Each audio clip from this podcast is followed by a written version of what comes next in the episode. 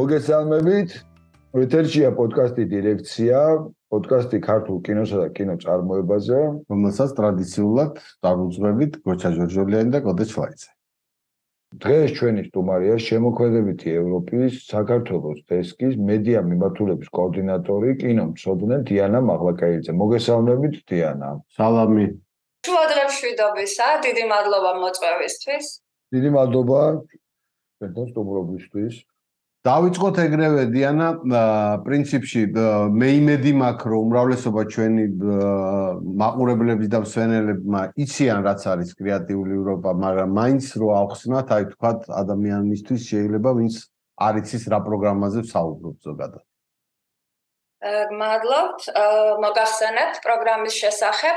ეს არის პროგრამა, ევროკავშირის პროგრამა შემოქმედებითი ევროპა, რომელიც არის ევროპული კულტურის, შემოქმედებითი ინდუსტრიების და აუდიოვიზუალური ინდუსტრიის და ამავე დროს სექტორთა შორისი მიმართულებების ხარდაჭერის პროგრამა. პროგრამაზე მინდა გითხრათ, რომ რა შეეხება ევროპულ აუდიოვიზუალურ ინდუსტრიას, მას შემდეგ რაც ევროკავშირი შეიქმნა ხდება ხარდაჭერა ანუ მედია პროგრამა არსებობდა 90-იანი წლებიდან, თუმცა პროგრამა შემოქმედებითი ევროპა არის პროგრამა, რომელიც 2014-20 წლებში იყო და სადაც ქვე მიმართულებებად, ქვე პროგრამებად ჩამოყალიბდა კულტურის პროგრამა ცალკე და მედია პროგრამა ცალკე. რაც შეეხება პროგრამას, რომელშიც ახლა ჩვენ ვიმყოფებით და რომის წევრიც არის საქართველო, ეს არის შემოქმედებითი ევროპა 2020 2021-2027, რომელიც რომლის საერთო ბიუჯეტი შეადგენს თითქმის 2 მილიარდ ნახევარ ევროს და აქედან 58% მოდის მიდის მედია მიმართულებაზე, 33% კულტურის მიმართულებაზე და სექტორთა შორისი მიმართულება, რომელიც მოიცავს როგორც გადაკვეთის, ანუ ინტერდისციპლინარულია და კულტურისა და აუდიოვიზუალური მედის საერთო პროექტებს ეხება და ასევე ჟურნალისტიკას ეხება, მასზე მოდის 9% დაფინანსების. ანუ 2 მილიარდი ბოდიში 2 მილიარდი ეს ძალიან საქართველოსია. არა კაცო ძალიან არა ეს არის პროგრამა რომელშიც ევროპის ქვეყნები და სხვა ქვეყნებიც არიან გაერთიანებული ანუ ევროკავშირის ქვეყნები მისი მეზობელი ქვეყნები ევროკავშირის სავაჭრო სისტემაში შემავალი ქვეყნები აღმოსავლეთ პარტნიორობის ქვეყნები და სხვათა შორის ტუნისიც არის ამაში გაერთიანებული ჩვენი მეზობელი ქვეყნები ქვეყნებიდან გაერთიანებული არის გაერთიანებული არის სომხეთი, მხოლოდ ერთ პროგრამაში არიან ისინი, ერთქვე პროგრამაში არიან გაერთიანებული თურქეთს აქვს ახლა სურვილი, მანამდეც ჰქონდა და ახლა და აზერბაიჯანიც აპირებს ამ პროგრამაში გაერთიანებას. მინდა ისტორიით დავიწყო და საქართველოს ამ პროგრამას წინა პროგრამის დროს შეუერთა 2014-20 წლების პროგრამის დროს შეუერთა 2015 წლის თებერვალში და მის შემდეგ ძალიან აქტიურად მონაწილეობს პროგრამაში, ანუ აქტიურობაში გულისხმობ, რომ ქართველი აპლიკანტები არიან ძალიან აქტიურები და ამავე დროს წარმატებულები, შეიძლება ითქვას, რომ ყველაზე უფრო წარმატებული ქვეყანა ვართ აღმოსავლეთ პარტნიორობის და სხვა ქვეყნებს შორის გამარჯვებული პროექტების რაოდენობის მიხედვით. უბრალოდ ვიტყვი სტატისტიკისთვის, რომ 2015-20 წლებში საქართველოსდან 33-მა პროექტმა გამარჯვა, ხოლო როდესაც ახალ პროგრამაში გადავედით 2021 წლიდან 1 წლის განმავლობაში 6 ქართული პროექტი დაფინანსდა. როგორც როგორც ყველა პროგრამაში, ყველა ევროპულ პროგრამაში მონაწილეობს ქვეყანა ის საწევრო გადასახადს, მაგრამ უბრალოდ სტატისტიკისთვის შემიძლია ვთქვა, რომ ქვეყანაში გაცილებით უფრო მეტი შემოდის, მაგალითად წინა პროგრამაში რაც იყო ქვეყნის მხრიდან გადახდილი საწევრო გადასახადი, მასე 6ჯერ და 7ჯერ უფრო მეტი შემოვიდა საქართველოსში თანხა. დაფინანსებული პროექტების მიხედვით. ჩვენი პროგრამა ესეა მოწყობილი, რომ არის არის კონკურსები, ეს კონკურსები ცხადდება წლის გარკვეულ მომენტში და შემდეგ როდესაც შეაქვთ განაცხადები დაფინანსებული პროექტები. დიანა, რა მაინტერესებს? როგორც ვიცი და როგორც მახსოვს, ანუ აუცილებელია ამ შეტანაში და მოკლედ აუცილებელია რომ მიიღო მონაწილეობა და დაფინანსება ამ პროგრამიდან ჭირდება პარტნიორი სხვა ქვეყანა. ეს კიდევ ესეა? დიახ ძირითადად ძირითადად ჭირდება პარტნიორი თუმცა არის ისეთი კონკურსები როგორიც არის მაგალითად ევროპული კინოფესტივალების კონკურსის უბრალოდ მინდა გითხრათ რომ კინოფესტივალებზე ორი კონკურსი არსებობს ჩვენთან ანუ ფესტივალები ორი სხვადასხვა იმიდან ფინანსდებიან. ერთი არის ევროპული კინოფესტივალები სადაც ფესტივალს აბსოლუტურად დამოუკიდებლად შეუძლია შეტანა განაცხადის და მეორე დაფინანსების სქემა არის ფესტივალებისთვის ევროპული კინოფესტივალების ქსელები და რადგან აქ ქსელები და ფესტივალების ურთიერთთანამშრომლობა მოიაზრება, აქ აუცილებლად კონსორციუმი უნდა იყოს. დანარჩენ ჭირდება უნდა იყოს კონსორციუმი, ანუ ეს პროგრამა საერთოდ ითვალისწინებს, რომ ევროპელმა ქვეყნებმა უნდა ითანამშრომლონ ერთმანეთთან, გაცვალონ საუკეთესო პრაქტიკა, საუკეთესო გამოცდილება ერთობლივი პროექტები აკეთონ და მათი პროდუქციაც, რომელიც პროექტის შედეგად მიიღება, უნდა ყველა ევროპულ ქვეყანაში მონაწილე ევროპულ ქვეყნებში უნდა იქნეს ნანახი და შეფასებული. დიანო, კიდევ ერთი ხალხისთვის ვინც საერთოდ თქვა წარმოქმნა რა, კიდე მე უბრალოდ რადგანაც ერთ-ერთი პირველი ბენეფიციარი იყო პროექტი, რომელსაც მე მაშინ ხელმძღვანელობდი და დღესაც გრძელდება წარმატებით თქვა კინოსკოპში არის ამ პროგრამის ერთ-ერთი ისეთი წარმატებული кейსია საქართველოში, მე მგონი. კი, ნამდვილად. აა ანუ მან გჭირდება რომ კონდეს ადგილობრივი დაფინანსება და იპოვო კიდე პარტნიორები რომლებსაც ასევე აქვს დაფინანსება თავის ქვეყნებში ხო? სწორია. კი, აუცილებლად, აუცილებლად. ნებისმიერი ევროპული პროგრამა და ნებისმიერი საერთაშორისო დაფინანსება იცით რომ თლიანად არ გაძლევენ, ისინი გაძლევენ 80%-ს ან 70%-ს, მედის შემთხვევაში, შის შემთხვევაში 80%-ს იცლებიან და დანარჩენი პროცენტები ფინანსდება საკუთარი, ანუ საკუთარი ქვეყნიდან. კი, ეს ესეა. და რა მაინტერესებდა იცი დიდი არის ეს გადასახადი სახელმწიფოს მიერ ამ პროგრამაში მონაწილეობა. არ არის ეს ისეთი დიდი გადასახადი, არ არის დიდი გადასახადი. ხო, აი თქვა რამდენი რა რამდენი არის, რო წლიურად რამდენს იქნის სახელმწიფო, რომ ესეთ პროგრამაში მონაწილეობთ 10000 ევროს, 100000 ევროს. Ну რამდენია? დაახლოებით რაღაც ეგეთში ეს არ არის. დიდი გადასახადი იქიდან დაფინანსებული ანუ ეს საჯარო ინფორმაცია არის გაცილებით უფრო მეტი შემოდის. საქართველოს იფტის თანხას წევრობა ევრომეაჟის წევრობისთვის რა თქმა უნდა ბატონო ეს ნუ ასოციაციაცია ევროა ვიცი ნებისმიერი არის ასევე საგანმანათლებლო და ძალიან დიდი ევროპული პროგრამები რომლისთვისაც გაცილებით უფრო დიდ თანხას იხდიან და შემოქმედებითი ევროპის გადასახადი საერთოდ ისეთი დიდი და ბუმბერაზი არ არის, მაგრამ თავარი ის არის, ამას მინდა ხაზი გაუსვა, რომ გაცილებით უფრო მეტი თანხა შემოდის საქართველოში დაფინანსებული პროექტები, გარდა ამისა ინფრასტრუქტურის შექმნას უწყობს ეს ხელს ინტეგრაციას საქართველოს სხვა ევროპულ ქვეყნებთან, თქვა იგივე კინემატოგრაფს ეთოვისაუბრებთ, ქართული კინოს ინტეგრაციას ევროპულ და საერთაშორისო კინოინსტიტუციებში და ეს არის შემიძლია გადაუჭარბებლად თქვა, რომ ეს არის ამ პროგრამაში საქართველოს მონაწილეობა არის ალბათ არის უახლესი აცლეულების საქართველოს კულტურის სფეროში მომხდარი ყველაზე დიდი მოვლენა, იმიტომ რომ ძალიან ძალიან დიდი წარმატებები მოუტანა ამან ქვეყანას. ძალიან საინტერესო იქნება თვითონ აი, როდესაც აპლიკანტმა განაცხადი გააკეთა პროექტი. და აი როგორ ხდება განხილვა რა დროში ხდება რანაირად მიდის. აი ორი სიტყვით მოგახსენებთ ერთ სიტყვი.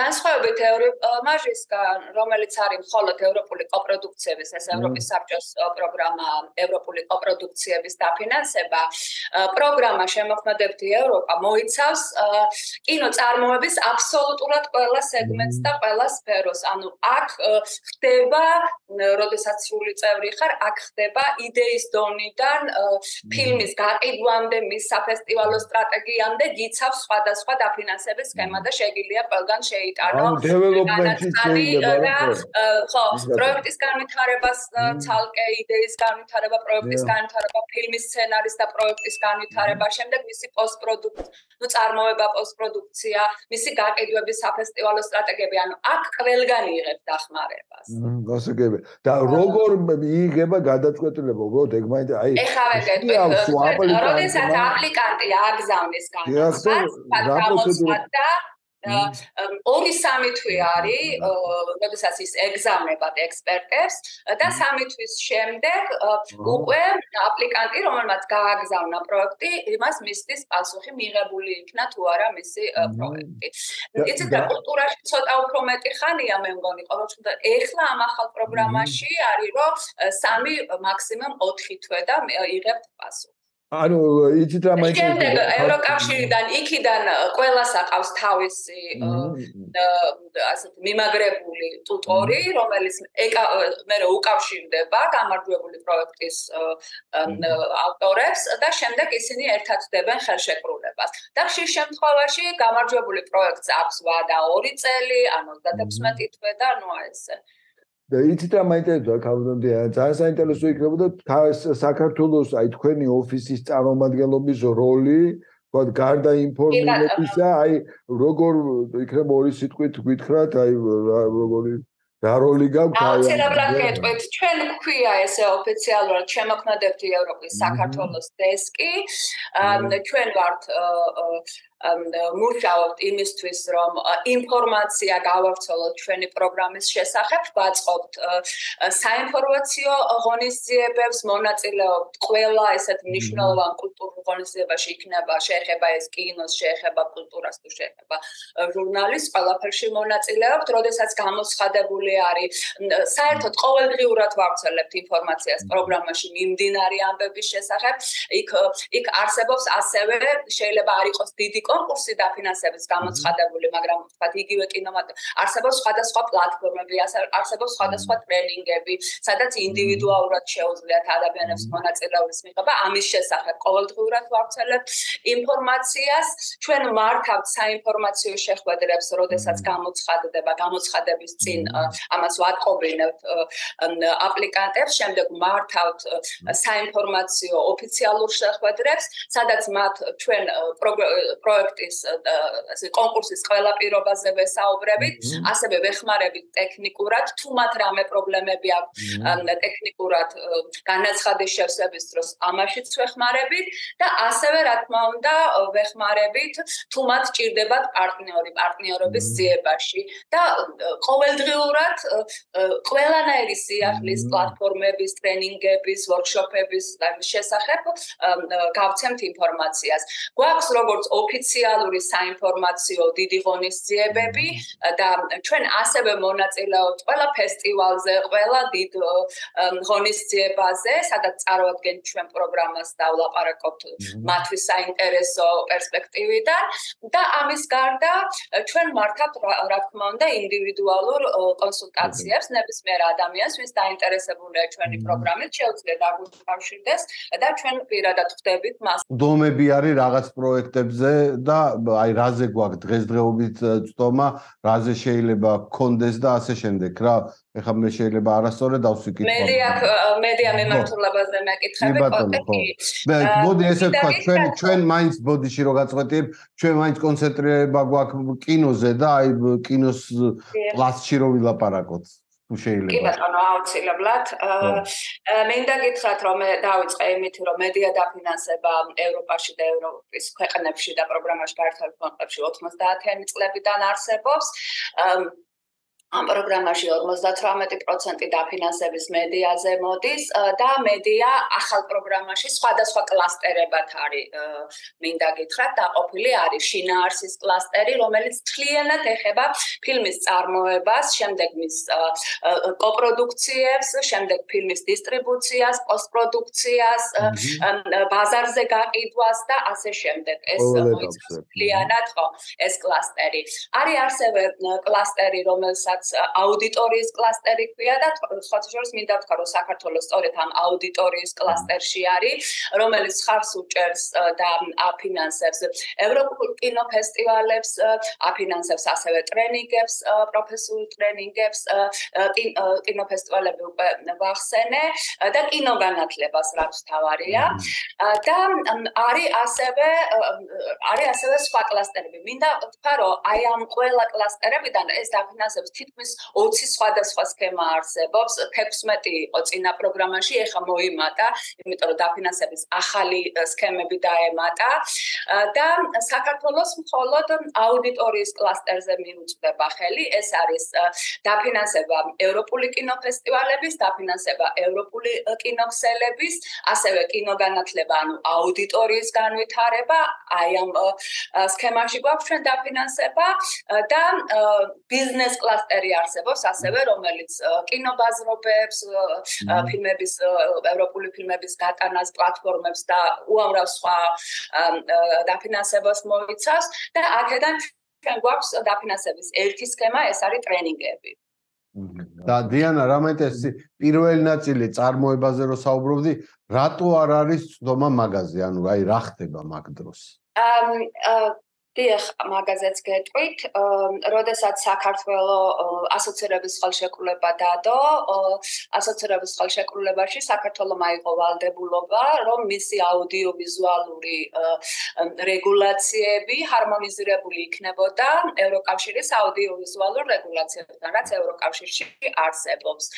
და ამ რადგან ჩვენი კანონი ჯერ კიდევ არ იყო ჰარმონიზირებული, ამიტომ ჩვენ დაფინანსების მხოლოდ რამდენიმე სქემაზე გვაქვს თომა და ნუ მოლაპარაკებაც იყო ისეთი, როდესაც საქართველოს ჰარმონიაში მოვა ევროპულ აუდიოვიზუალურ კანონმდებლობასთან, მაშინ უკვე საქართველოს უფლება ექნება, რომ მოითხოვოს სრული გაწევრიანება, რაც წარმოუდგენლად დიდი წარმატება იქნება ქართული კინოინდუსტრიისთვის. და დიდი სიკეთე. და მაშინ ჩვენ დაგვეხსნება დაფინანსების ყველა სქემა. ეს იმას ნიშნავს, რომ ქართულ ფილმებს ექნებათ ბაზარი, დისტრიბუცია, გაქირავება, კოპროდუქციები ევროპის ყველა ქვეყანასთან და ასევე საერთაშორისო. საქართველოს ვალდებული იყო, რომ 2019 წლის ზაფხულისთვის ეს კანონმდებლობა უკვე ქონოდა, მაგრამ შემდეგ თვითონ ევროკავშირმა, რადგან ეს ისეთი ქვეყნებისთვის ცოტა ისეთი ტკივნეულია სანამ ეს და დიდი პროცესია, ხანგრძლივი პროცესია ამ კანონმდებლობის მიღება.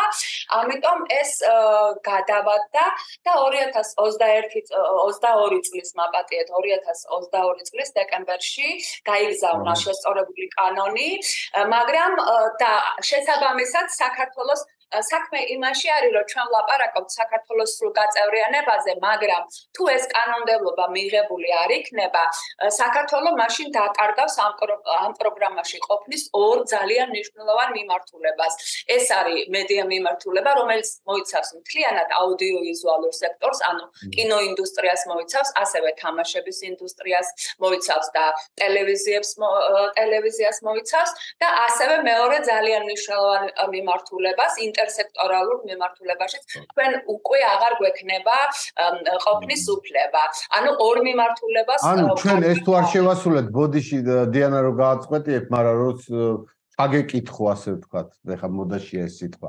ისა რაია ანუ თუ არ მივიღეთ ეს კანონი, არამც თუ ის ციკეთები არ მოგეცემა, კიდე დავკარგავთ რაღაცეებს? დავკარგავთ თლიანად, კი, მაგას ვამბობ, თლიანად დავკარგავთ და იმასაც ვიტყვი, რომ ეხა ჩვენ ვადა გქონდა მოცემული ის რომ კანონმდებლობა მიგვეღო 2022 წლის დეკემბრამდე, შემდეგ ევროკავშირმა სხვათა შორის სხვა ქვეყნებიც არიან ჩვენ მდგომარეობაში, მინდა ვთქვა, რამდენიმე ქვეყანა ესეთი რომელთა კანონმდებლობა არ არის ევროპულ აუდიოვიზუალურ კანონმდებლობასთან ჰარმონიაში და შემდეგ ასეთ ქვეყნებს და მათ შორის საქართველოსაც 2023 წლის 31 მაისამდე მოგვეცა ვადა რომ ჩვენ შესწორებები გაკეთდეს მიღებულ კანონმდებლობაში და ეს ხელახლა გადაეგზავნოს ევროკომისიას. და მიდის მუშაობა ამაზე? რა ინფორმაცია გაქვთ? თქვა და რა უნდა მოხდეს? ანუ რამდენადაც ჩვენ ინფორმაცია გვაქვს რამდენადაც ჩვენ ინფორმაცია გვაქვს, იქიდან მოვიდა რეკომენდაციები, ყველაფერი, ყველა შენიშვნი და იმით თუ როგორ უნდა გაკეთებულიყო. და ასევე რეკომენდაციები იმის შესახებ, რომ კანონმდებლობაზე მუშაობაში აუცილებელი არის პროფესიონალების ჩართვა, დაინტერესებული მხარეების ჩართვა, ინდუსტრიის ჩართვა და რამდენადაც ვიცი, ჩვენი კინემატოგრაფისტები, რომლებიც მინდა ვთქვა, რომ მიუხედავად ჩვენს ქვეყანაში კინოს ძალიან წერი დაფინანსებისა, ძალიან საინტერესო კინემატოგრაფი წლები გვაქვს ჩვენ საქართველოში. ძალიან აქტიურები და წარმატებულები არიან ჩვენი პროდიუსერები და რეჟისორები. და რამდენადაც ვიცი მათ მიმართეს პარლამენტს თხოვნით და ისინი იმედი მაქვს რომ ჩაერთვებიან ამ კანონმდებლობაზე მუშაობას და აქტიურ როლს შეასრულებენ კანონმდებლობაზე მუშაობაში რაღაც კანონი ანუ როგორც მახსოვს მიღებული იყო უბრალოდ ჩამოვიდა ეხა რეკომენდაციები რომლებიც უნდა ჩასწორდეს ეს კანონი და თავიდან იქნეს კი აბსოლუტურად კოტე აბსოლუტურად მართავს ამბობ. ანუ კანონმდებლობა მიიღეს და გაიგზავნა დეკემბერში მაგრამ ეხა მოვიდა რეკომენდაციები როგორ უნდა გასწორდეს ეს კანონი რა არის შესაძლებელი რომ შეესაბამებოდეს ევროპულ კონვენციებს აუდიოვიზუალური რეგულაციების შესახებ. და ეს უნდა მოხდეს საზოგადოების ინდუსტრიის დაინტერესებული მხარეების ჩართვით. ანუ პროფესიონალებმა ასე კანონმდებლებთან ერთად უნდა მიიღონ მონაწილეობა კანონის ჩასწორებაში და ეს კანონი ჩასწორებული სახით, ახალი რედაქციით, ახალი ვარიანტით უნდა იქნეს გაგზავნილი 31 დეკემბრამდე. მაისამდე, დეკემბრამდე რო იყოს, არ იქნება. დეკემბრამდე რო იყოს ძალიან კარგი იქნება, მაისამდე უნდა იყოს. აქვე მაგას გეტყვი, არსებობს მაგის შანსი, რომ ვათ და ვერ მოვასწარით და რაღაცა რომ დედლაინი გადაგვიწიონ, იმიტომ რომ რეალურად ძალიან ცოტა დრო არის დარჩენილი. იცი რა არის მე არ ვიცი მაგის შანსი რამდენად არსებობს, იმიტომ რომ ერთხელ უკვე გადაგვიწიეს დეკემბრიდან მაისამდე გადმოიტანეს და მე ვფიქრობ, რომ ეს იმდენად მნიშვნელოვანი საკითხი არის ისედაც ქვეყნისთვისაც, იმდენად მნიშვნელოვანი საკითხი არის ამ კანონმდებლობის მიღება, რომ ეს აუცილებლად უნდა გაკეთდეს. უბრალოდ მინდა ოპტიმისტი ვიყო და მინდა ბოლომდე მჯეროდეს, რომ ყველას ესმის ამის მნიშვნელობა და ერთობლივი ძალებით პარლამენტთან ერთად პროფესიონალებიც მიიღებენ მონაწილეობას და აუცილებლად აუცილებლად მიიღებენ ამ კანონს. სხვანაირად უბრალოდ ძალიან რთული იქნება ქართული კინოინდუსტრიისთვის, ასევე თამაშების ინდუსტრიისთვის და ამისთვის არსებობა. იმიტომ რომ თანამედროვე სამყაროში წარმოუდგენელია No. სხვებისგან დამოუკიდებლად მარტო და მით უმეტეს ევროპული კინოსკენ ამ სოფლიო კინოს მომავალი კოპროდუქციებში და ურთიერთთანამშრომლობაშია და ისეთი პატარა ქვეყანა როგორც საქართველოა წარმოუდგენელია ამ პროგრამის გარეშე. ამ პროგრამამ საოცრად დიდი სიკეთეები მოუტანა საქართველოს დარწმუნებული ვარ, როცა ჩვენ და ამის იმედს ვიტოვებთ, რომ აუცილებლად გავხდებით სრული წევრები ამ პროგრამის წარმომიდგენია, როგორი წარმატებული გახდება ძალიან დიდი იმიტომ რომ აი ყველაფრის ფასად ახერხებენ ქართული კინემატოგრაფისტები რომ ძალიან კარგ ფესტივალებზე მოხდნენ გაქირავებაც ჰქონდეთ მათ ფილმებს და ქართული კინო ქართულ კინოში ძალიან დიდი კრეატიული პოტენციალია და მე ფიქრობ და მჯერა იმისი რომ ამას ხედავს ყველა და ამას ხელს არ შეუშლია იცი რა მაინტერესებდა რაღაცა შეიძლება დილეტანტურ კითხვას ვამ, მაგრამ მიმული ხო არ არის ამ კანონის მიღება ან ეს აი ეს ცვლილებების დატარება 12 პუნქტთან, აი ერთ-ერთი ერთ-ერთი რეკომენდაცია თაგანი არის კი. ეს არის ერთ-ერთი რეკომენდაცია თაგანი, რომელიც აუცილებლად უნდა შესრულდეს. ხო ანუ ამას მარტო ლოკალური ვთქვათ მედია მიშობა კი არა აქვს ზოგადად ქვეყნისთვის ზოგადად ქვეყნისთვისაც აქვს ამ ძალიან დიდი მნიშვნელობა როგორც გითხარით ერთ-ერთი რეკომენდაცია 12 თაგთან რომელიც ჩვენ შესაძლებელი გვაქვს. უბრალოდ საზოგადოებას უნდა ახსოვდეს რომ ეს რეკომენდაციები აუცილებლად უნდა შესრულდეს.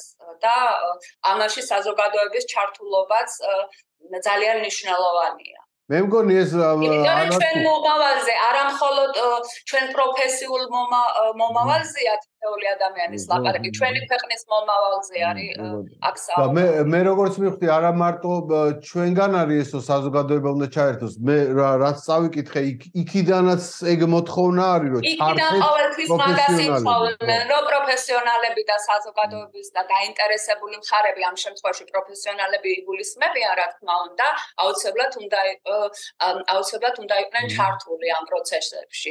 სხვათა შორის ეს ყველა რეკომენდაციაზე ესეთი მოთხოვნაა, რომ აუცილებელია საზოგადოების ჩართულობა.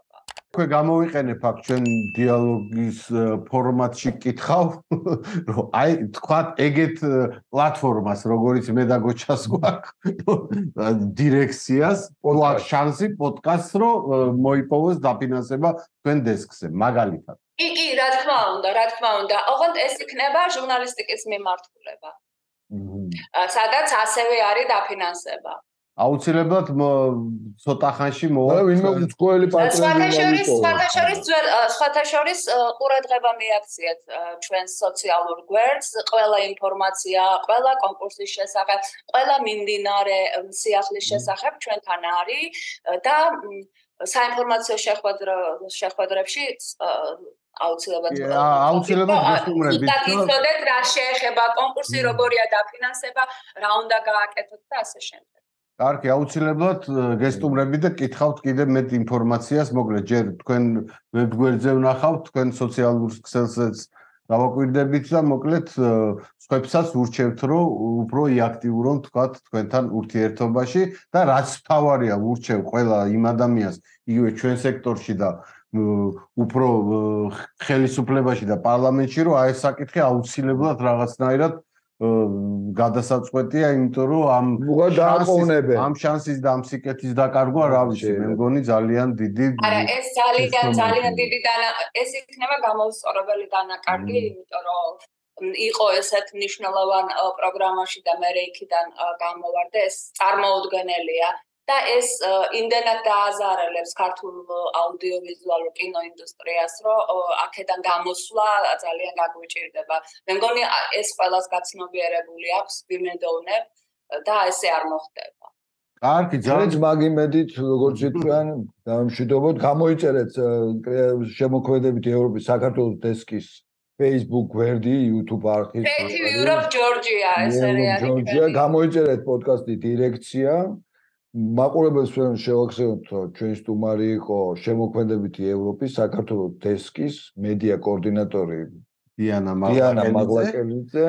ძალიან დიდი მადლობა წარმატებებს გისურვებ წარმატებები უსურვოთ თუ საერთოდ სფეროს რომ წარმატებებს შეყუნდეთ. და აუცილებლად შემოიტანეთ განაცხადი იმედი მაქვს რომ პროგრამაში ძალიან დიდი მადლობა.